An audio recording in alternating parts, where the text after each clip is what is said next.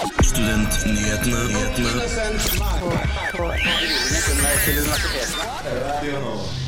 Hei og hjertelig velkommen til Studentnyhetene og riktig god fredag. Jeg heter Sigrun Tårne, og med meg i studio i dag som eh, både eh, sidekick og eh, på teknikk har jeg Selma Bull.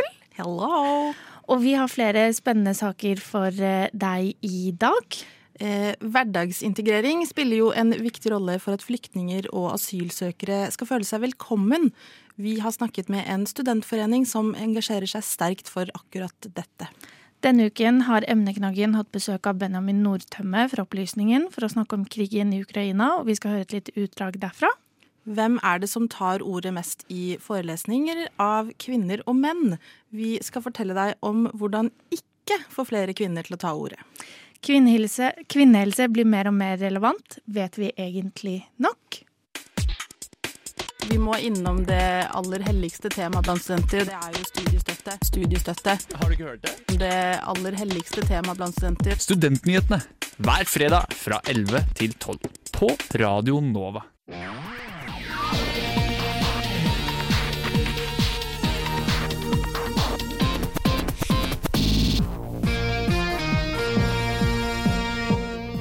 Kunnskapsdepartementet har nå kommet med tall på hvor mye de anslår å hente inn via innføring av skolepenger for utenlandsstudenter. Det melder Krono. Verdien av skolepengene regnes å bli på 1,2 milliarder, og Kunnskapsdepartementet lover at universiteter og høyskoler skal få beholde 900 millioner av innsparingen. Rektor ved Norges miljø- og biovitenskapelige universitet, Kurt Rice, sier til Krono at hele sektoren er oppgitt. 12.10 ble rangeringen til The Times Higher Education publisert. Krono forteller at UiO er rangert på 126. plass i verden og nummer fem i Norden. Totalt har universitetet gått syv plasser ned fra fjorårets rangering. Denne uken ble det klart at Handelshøyskolen BI får grønt lys for master i rettsvitenskap. Universitetet i Agder har også søkt om å kunne tilby dette studiet uten hell. Det melder Krono. UiA tilbyr eh, per nå bachelor i juss, og håpte å kunne utvide dette til en fullverdig jusutdanning. Tross avslaget sier rektor Sunniva Whittaker at de vil fortsette å jobbe for masterstudiet. Under studentpolitisk toppmøte som ble holdt denne uken, aksjonerte studenter mot forsknings- og høyere utdanningsminister Ola Borten Moes forslag om å innføre skolepenger for studenter som kommer utenfor EU og EØS. Studentene hadde T-skjorter med teksten 'Stopp skolepenger', og ministeren svarte selv med egen T-skjorte med teksten 'Gratisprinsippet står fjellstøtt'. Dette var ukens nyhetsoppdatering, og mitt navn er Selma Bull. samordna opptak. Det handler om rettssikkerheten eh, til norske studenter. Akademia Strid, Oslo Met Universitetet i Oslo, Jeg studerer Studentnyhetene. hver fredag fra 11 til 12. Norsk Start er en studentforening som holder til på Oslo Met. Vår reporter har tatt turen eh, denne uken til deres språkkafé for å høre om studenters viktige arbeid.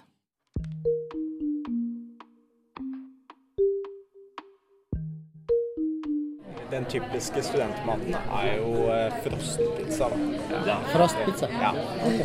Som du bare hiver i ovnen. og så- Ja, den er jo veldig italiensk. Det du hører nå, er opptak fra Språkkafeen til Norsk Start på Oslo OsloMet. Du har kanskje hørt om språkkafeer som lavterskel integreringstilbud i regi av aktører som Det Deichmanske bibliotek, Tøyen frivillighetssentral, KIA, Røde Kors og Caritas. Ja, det finnes rett og slett veldig mange språkkafeer i Oslo, men visste du at en av de største faktisk er studentdreven? Det her er leder Jurate.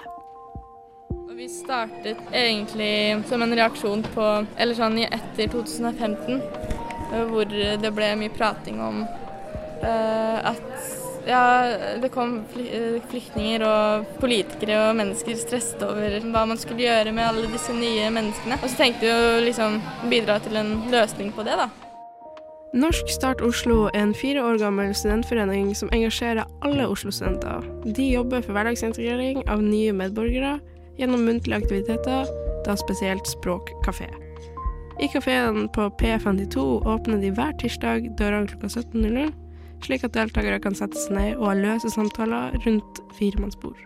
Noen kommer for det mer eh, konkrete språklige, mens andre setter pris på liksom å prate om hverdagslige ting. Og liksom mer den sosiale biten, da, kanskje. Jeg tenker at hvis vi får til en samtale hvor begge parter lærer noe om hverandre, og eh, enten det er litt sånn grammatikk eller et uttrykk man ikke skjønte før nå, eller bare å endelig forstå hvorfor man feirer 17. mai på den måten man gjør, da. At det er um, At det er Da har vi nådd vårt mål. Språkkafeen til Norsk Start er et tilbud for flyktninger, asylsøkere, innvandrere og ellers alle andre som har lyst til å trene på muntlige ferdigheter i norsk og engelsk. To deltakere teamer opp med to frivillige og jobber seg gjennom et hefte med samtale- og grammatikkoppgaver, i den farten det føles naturlig å gjøre akkurat det. Tidligere leder for Norsk Start Oslo, Ida Malene, mener at de skiller seg ut i mengden av språkkafeer som finnes der ute. Det som er unikt med vår språkkafé, er jo at det er, den, den, den er, eh, det er studenter som arrangerer det, så det er veldig sånn ungt miljø. Og vi har en del flere frivillige kanskje enn andre språkkafeer. I hvert fall det vi har fått inntrykk av, som vi hører fra deltakere, er sånn mer muligheter for å snakke. Vi har disse heftene som man kan øve på. Men på hvilken måte er det naturlig at akkurat frivillige studenter inntar en hverdagsintegreringsrolle? Ida Malene svarer på det også. Som studenter da, så sitter vi på masse ressurser. Vi er på en måte litt i samme båt. Vi skal også ta høyere utdanning, vi skal også inn i arbeidslivet. Eh, finne ut av ting med livet, på en måte. Og eh, da kan vi jo også bidra, da. Vi sitter med kunnskap om hvordan man skal kanskje komme seg inn i arbeidsmarkedet eller høyere utdanning. Så det er på en måte den samfunnsbiten med det, at studenter også kan bidra i integreringen og være med og lage sånne arrangementer som Språkkafé. da. Jurate mener at det viktigste de gjør, er å møte deltakerne på Norsk Start som medmennesker. Man eh, snakker ofte om liksom, flyktninger og innvandrere og liksom, eh, spesielt media at det liksom, som en tredje person. Og så kan man jo ha politiske meninger om de, men å faktisk møtes og prate og ha en helt uh, vanlig samtale som ikke trenger å være om liksom, deres migrasjonsstatus, men bare prate med dem, tenker jeg liksom, det er masse verdi i det. Hver tirsdag kommer det nye på språkkafeen til Norsk Start, samtidig som de også har faste deltakere. Selv om det ikke er noe krav til å bli venner under kafeen, har både Ida og Jurate fått gode venner blant de som er der jevnlig. Kafeen har nærmest blitt en naturlig arena for nettverk også, virker det som. Jeg tenker det eh, som er litt fint med vår språkkafé, er at det ikke er harde rammer rundt det, at man ikke kan ha kontakt utenfor. Og så er det jo, vårt mål er jo å skape de liksom, stedene eh, hvor man kan prate sammen. Men eh, hvis den hverdagsintegreringa fortsetter utenfor våre rammer, så er det jo bare fint. Takk til Norsk Start. Reporter i saken var Ingrid Karoline Karlsen. Musikken var hentet fra Blue Sessions. Når du er som student, så har du lite penger å rutte med. Jeg skjønner det. Men hva betyr det for studentene? Jo, det tror jeg det er mange som lurer på. Tusen takk for at du har hørt på Studentnyhetene. Krigen i Ukraina fortsetter, og vi har snakket med Benjamin Nordtømme fra Opplysningen om hvordan konflikten, sta hvordan konflikten startet, og hva som skjer i Ukraina nå. Her får dere et utdrag fra onsdagens emneknaggen.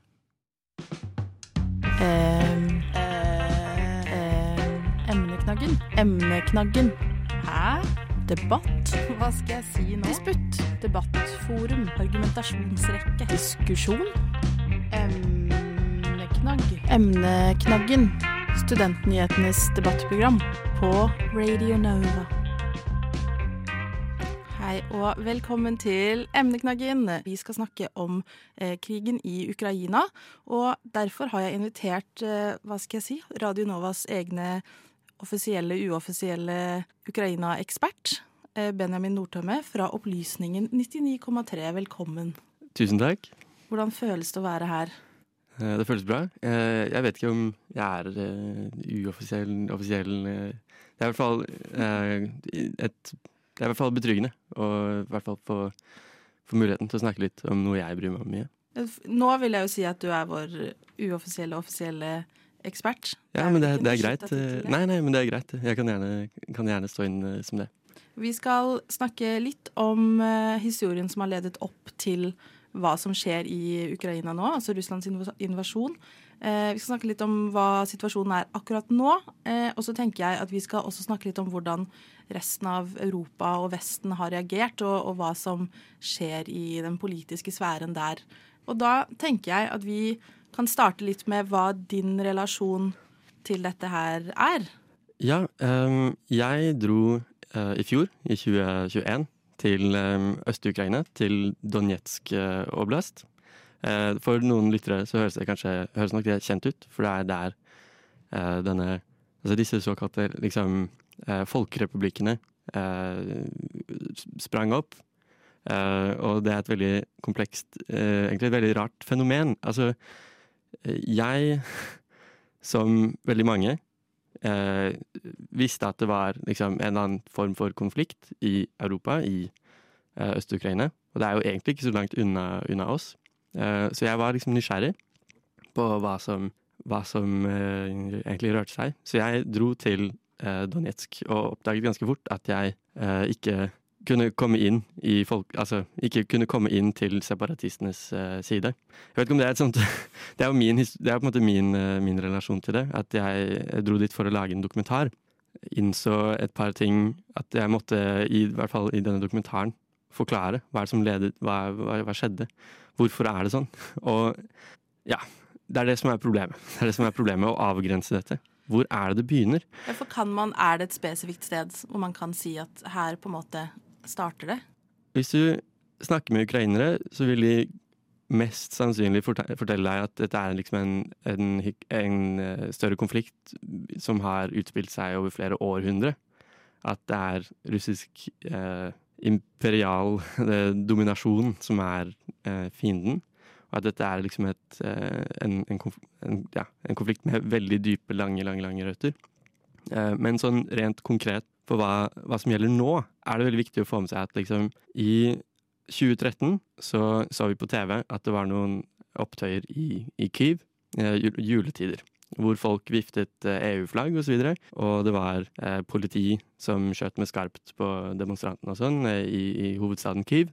Eh, og det er da noe ukrainere kaller eh, the revolution of dignity, eller verdighetsrevolusjonen. Så det er da eh, nå snart eh, ni år siden. Åtte-ni ja, åtte-ni år siden. Det som skjedde da, var at Ukraina hadde en president som var ganske lojal mot Russland. Ganske Russland-vennlig. Som nektet å signere en avtale som skulle bringe Ukraina tettere økonomisk sammen med resten av Europa. For det er, veldig, det er også ganske sentralt at eh, Ukraina ser på seg selv som et europeisk eh, land. At det er en sånn utrolig utbredt eh, idé og tanke. da.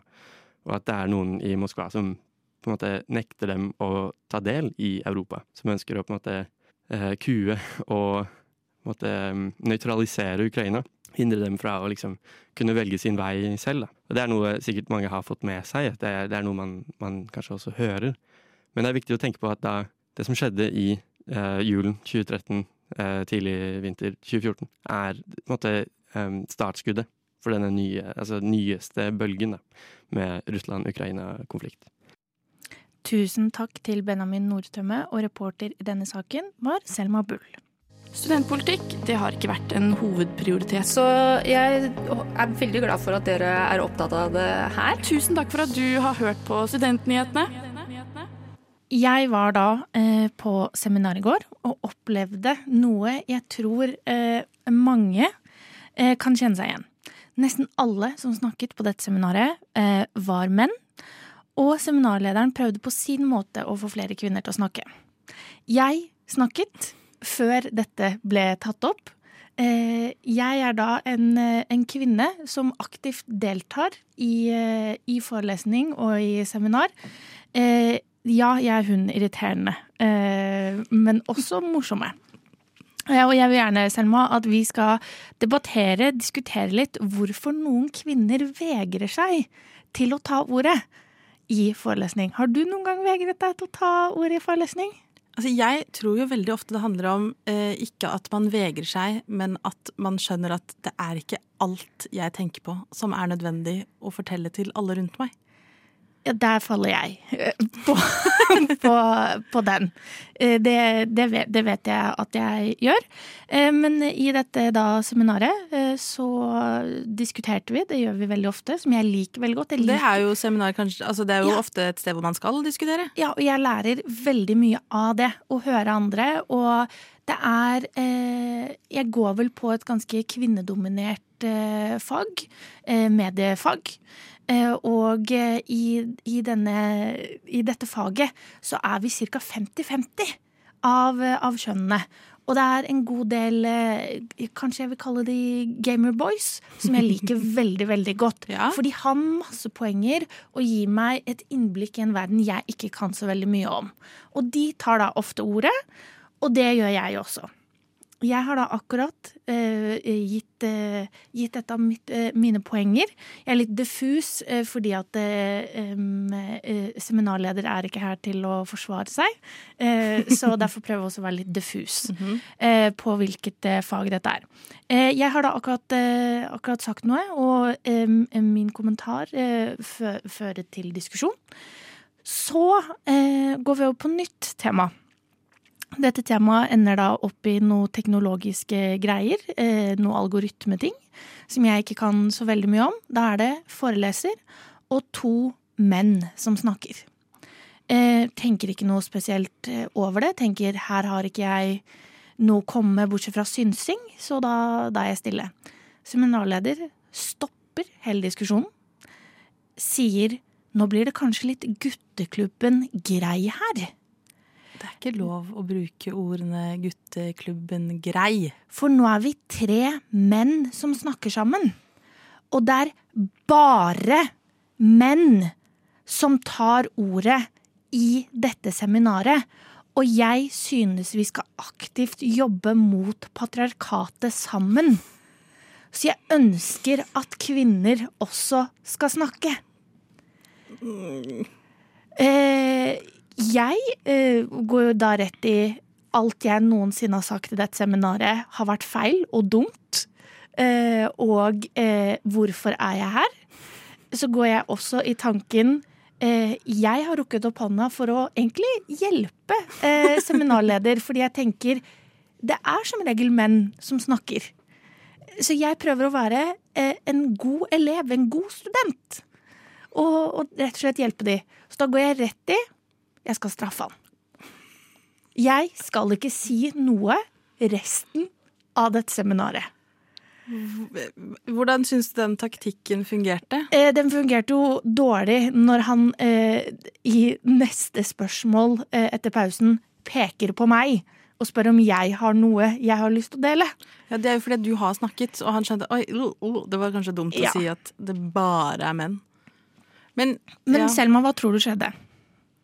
Svar, ja, når han pekte på deg, liksom? Eh, nei, når han tok opp dette, og så går vi på nytt spørsmål. Hva tror du skjedde? Jeg tror at Det han ville skulle skje, var at alle jentene skulle rekke opp hånden og være sånn ah, 'Det er lov for oss å prate allikevel'. Eh, men jeg tror det som skjedde, var at alle jentene satt og var sånn 'Å du suger jo, jeg gidder faen ikke å si noe nå'. Unnskyld for at jeg bannet. Eh, det gikk jo ved at eh, mange kvinner faktisk rakk opp hånda. Han, Gjorde det det? Ja. Okay. Så han eh, fikk jo på en måte det han ville. Eh, men jeg mener ikke at man skal gå inn eh, på den måten.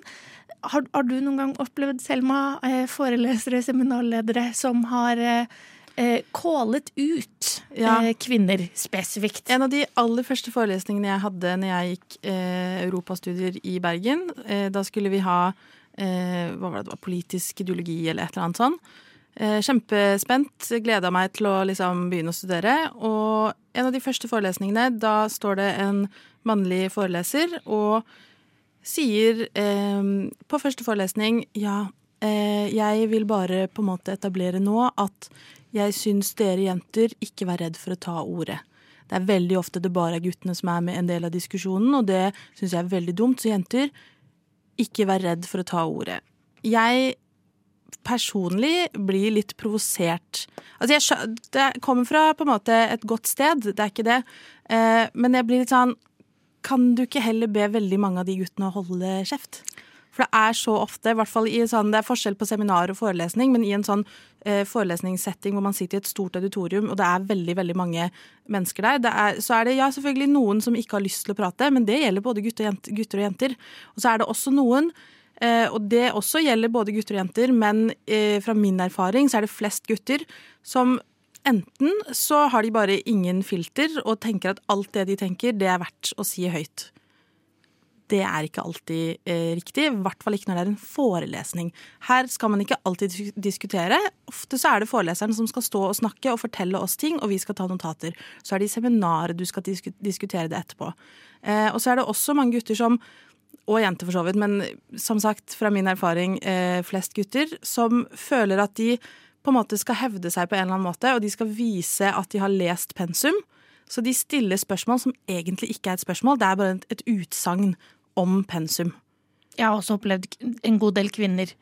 Ja, det er kanskje student- det er så- som gjør, meg. Som gjør det. Eh, det tar meg tilbake til videregående. Men, men uansett så er det på en måte eh, For å gå litt tilbake til det, da. At eh, jeg prøver å være en alliert. Mm.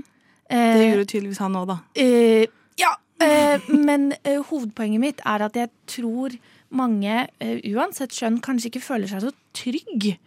Eh, trygg eh, i eh, disse settingene. At de, det, er, det er skummelt for noen å, å, å, ta, å ta ordet.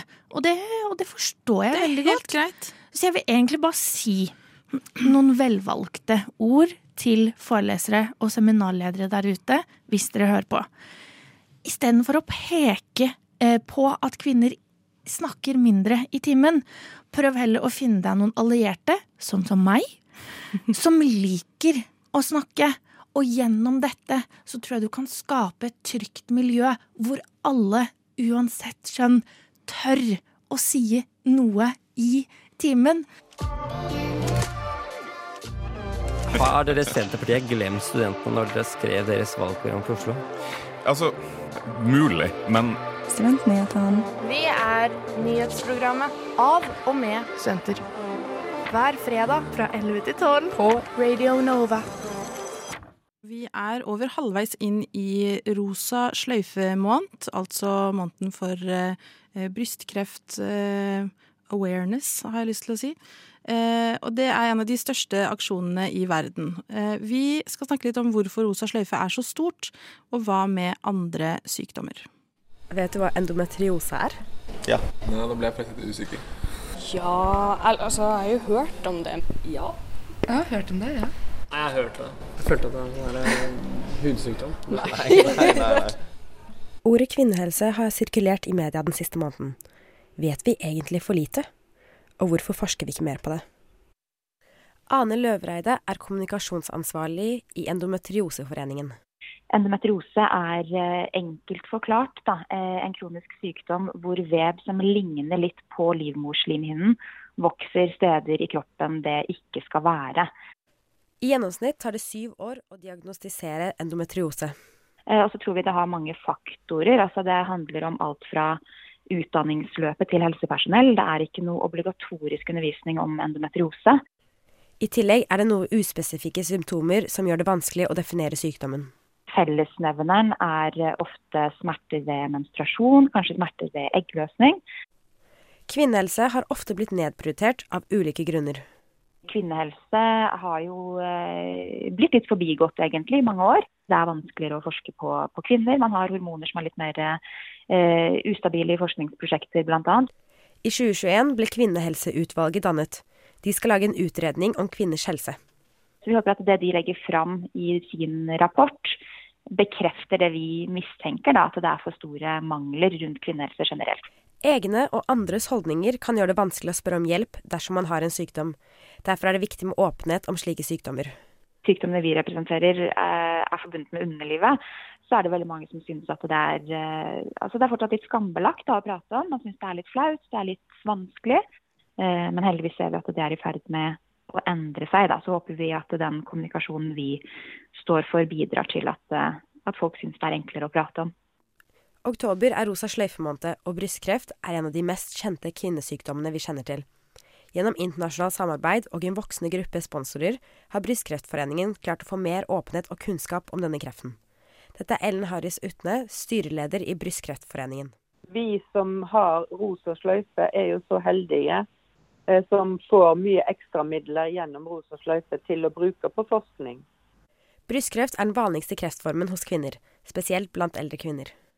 Eh, det er, viser seg jo da at det er alltid noen som kjenner noen som kjenner noen som har noen i nærheten som har hatt brystkreft. Brystkreftforeningen bruker sosiale medier og andre informasjonskanaler mye. Utne forteller at de når ut til forskjellige målgrupper, som bl.a. er aldersbetinget. Utne forteller at de jobber med å opplyse om tidlig oppdagelse blant kvinner og menn.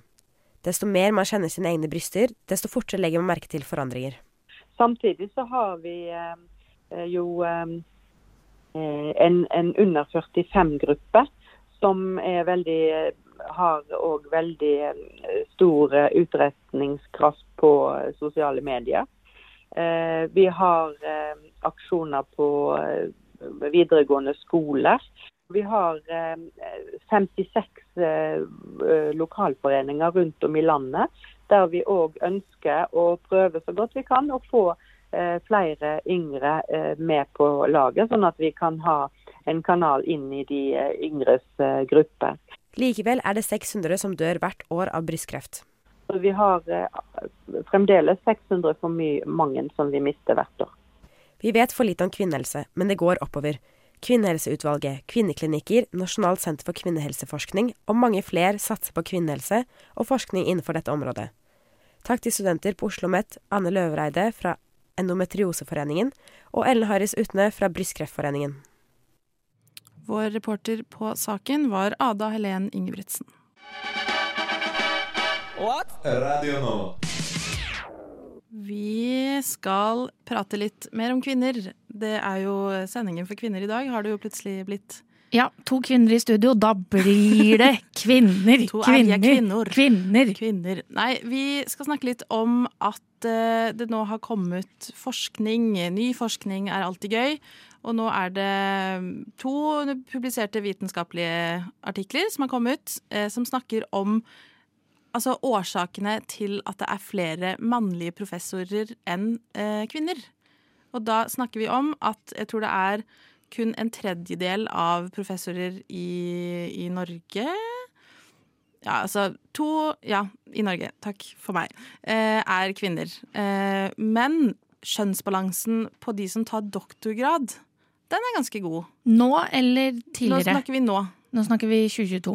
2022. Ja. Nye tall. Uh, og det er jo litt fascinerende, for da er det jo noe som skjer. Når det på en måte starter likt, og så på den ett nivå høyere. Så er det så en ulikhet. Så kommer det forskjeller. Uh, man kan da komme et uh, kontrapoeng. Mm -hmm. at de som er forelesere nå, og er, og er professorer, de eh, tok vel den doktorgraden eh, når vi var små, Selma. Når vi ble født. Ja. For over 20 år siden. At det, kanskje var en eh, ulikhet eh, da. Ja, der eh, tar du det ganske på kornet. Fordi eh, Dag V. Aksnes, som er forsker bak begge artiklene, sier til Krono at gjennomsnittsalderen for en professor er 56 år. Eh, og gjennomsnittsprofessoren eh, som har tatt, eller tok da ph.d.-utdanningen sin for 20 til 25 år siden. Ja. Og da er det jo på en måte For 20 til 25 år siden så var det jo større forskjell eh, enn det det er i dag, på hvor mange som tok doktorgrad. Ja. Så der har vi på en måte en forklaring til hvorfor det er flere menn enn kvinner som er forelesere. fordi at for 20-25 år siden så var det flere menn enn kvinner som tok doktorgrad, og dermed kunne bli professor. Ja, så Hvis kan, mening? Ja, det gir, det gir, det gir mening. Eh, så, så, det, så, det, vi da Hvis forskningen har rett, eller hvis, hvis, forskningen kan peke inn i fremtiden, mm. som jeg tenker at forskning ofte har lyst til å gjøre, eh, så vil det kanskje bli en mer kjønnsbalanse når vi er 56 år, Selma. Ja, for det er jo det de sier, eh, og det er visst overraskende, da, at det på en måte Eh, eller forklaringen er jo litt overraskende. Eh, men de, han sier jo da at de hadde en hypotese som de kalte for leaky pipeline, eh, som fungerte veldig godt eh, for USA. Men den fungerer ikke like godt eh, for Norge. Den tror jeg har hørt om. Er Ja. at kvinner faller på en måte av. Ja. Eh, de tar master, kanskje begynner på doktorgrad. Så blir de kanskje gravide, og så faller de av. Det er nettopp det. Mens mennene fortsetter straka veien som et tog. Ja. Eh, For han sier hvis vi f.eks. sjekker hvor mange av dem som tok doktorgrad i 1990 som ble professor, så ser vi at det er flest menn. Men da var det også flest menn som tok doktorgrad. Andelen kvinner som tok doktorgrad og andelen kvinner som ble professor, er nesten lik. Det er bare at det er en, en mindre sum. Ja. Så si at er eh, Si at eh, 20% av de som tar doktorgrad, blir eh, eh, blir, eh, blir, eh, blir professorer. Si det. Ja. Eller ja. Ja. Sånn cirka. Cirka. Jeg vet ikke. Jeg har ikke noe tall på dette. Dette tar jeg ut av mitt eget hode. Så vil jo, hvis det er flere menn, så vil jo det da eh, si eh, at det er eh, 100 menn som tar eh, doktorgrad. Så vil jo 20 av eh, de bli professorer. Hvis det bare er 10, så vil Ja. jo bare to kvinner. Men det er like prosenten. Prosenten er lik. Uansett, eh, det de sier da, er at eh, kvinner bruker lengre tid på å gå fra å være førsteamanuensis til å bli professor. Ja. Eh, og det er på en måte her hvorfor tar de lengre tid. Og da snakker vi litt sånn vanligere grunner. Eh, kanskje de blir gravide og skal etablere familie. Og da er det jo kjent at kvinner er borte fra jobb i ca. et år. Og har ofte lengre permisjon enn barnefar, Ja. eksempel. Eh, og, og det er jo Altså, kvinner i denne sammenhengen har rett og slett et høyere yrkesfravær Ja. på grunn av liksom historiske og demografiske eh, grunner. Eh, og så er det noen studier som også viser at kvinner ikke søker opprykk til professor. Fordi at de er redde for å bli avvist, og venter heller lenger. Og det er jo litt tilbake til det vi snakket om i forelesning i dag, som vi kanskje eh, kunne nevnt da også, at det er jo en kjent eh, på en måte del av Eller for kvin mange kvinner at de sier ikke noe før de er 100% sikre på at det er riktig. Ja, for at jeg eh, har eh, hørt noe en gang som jeg ikke har noe eh, tall for. Men at kvinner eh, søker på stillinger som de er 80% kvalifisert til. Mens menn søker på de de er 20 kval eh, kvalifisert til. Og der leder råd til alle kvinner der ute. Jeg har begynt å søke på de jobbene jeg er 20% kvalifisert til. Ja, men det har vært min mors beste råd til meg, er du får jo i hvert fall ikke jobben hvis ikke du søker. Så der har man jo også det at de, de søker ikke At det kan jo også være at de ikke søker opprykk, eh, men at det det virker som at menn har veldig høy eh, selvtillit. Og noen har, noen har det. Men jeg vil komme en liten brannfakkel inn i denne kvinnesendingen, Selma. Jeg bryr meg ikke så veldig mye om hvilken kjønnsidentitet eh, foreleseren min eh, har. Jeg bryr meg mer om at jeg er en god pedagog. Og jeg tenker også det med professorer, og at de da underviser. Ok, de kan ha hvilken eh, kjønnsidentitet de vil, så lenge de er en god eh, pedagog og formidler. Er det en brannfakkel inni kvinnesendingen som vi har bestemt å ha i oktober? Både ja og nei. Brannfakkel litt fordi at jeg tenker jo eh, la oss eh, hjelpe Ikke hjelpe kvinner, men på en måte Women supporting women er viktig. Men i det store og det hele, det viktigste for norsk utdanning er jo at vi har gode professorer og forelesere. Og da kan jeg avslutte med min lille brannfakkel. Det er ikke alle professorer som er gode pedagoger. Så det kan hende at man skal revurdere litt hvordan systemet funker. For selv om du kan faget ditt veldig, veldig, veldig godt, så er det ikke sikkert at du er så veldig god på å eh, formidle det. Nei, altså vi skal fortsette å være en tydelig stemme. For studentene i Oslo. Og Akershus. Det er jo ikke alle som merker det. Studentnyhetene. Vi fremmer studentenes interesser. Alle gode ting må ta slutt. Det gjelder også for studentnyhetene i dag. Men dere, det betyr at det straks er helg. Eh, jeg vil gjerne si tusen hjertelig takk for at du har hørt på eh, Studentnyhetene i dag. Har du kommet inn midt i, har du kommet inn helt på begynnelsen, når du har kommet inn i sendingen, samme det, hør oss igjen på podkast, da! Og slide inn i DM-ene våre, eller følg oss på Instagram. Der heter vi Studentnyhetene. Mitt navn er Sigrun Tårne, og med meg i studio, både som sidekick og på teknikk, har jeg hatt med meg Selma Bull. Alle gjerne trenger mer podkast. Du har hørt på Studentnyhetene i dag? Jeg hoppa litt i taket. Jeg var veldig overraska. Jeg hadde ikke forventa å ende opp uh, her, egentlig. Å, hyggelig. Jeg følger bare med å sette høye krav og kjempe for dem, da. Uh, og si at det her er ikke godt nok. Eh, men tusen takk for at du har hørt på Studentnyhetene i dag. Jeg hadde ikke gjort det. Jeg hadde ikke Gjort det.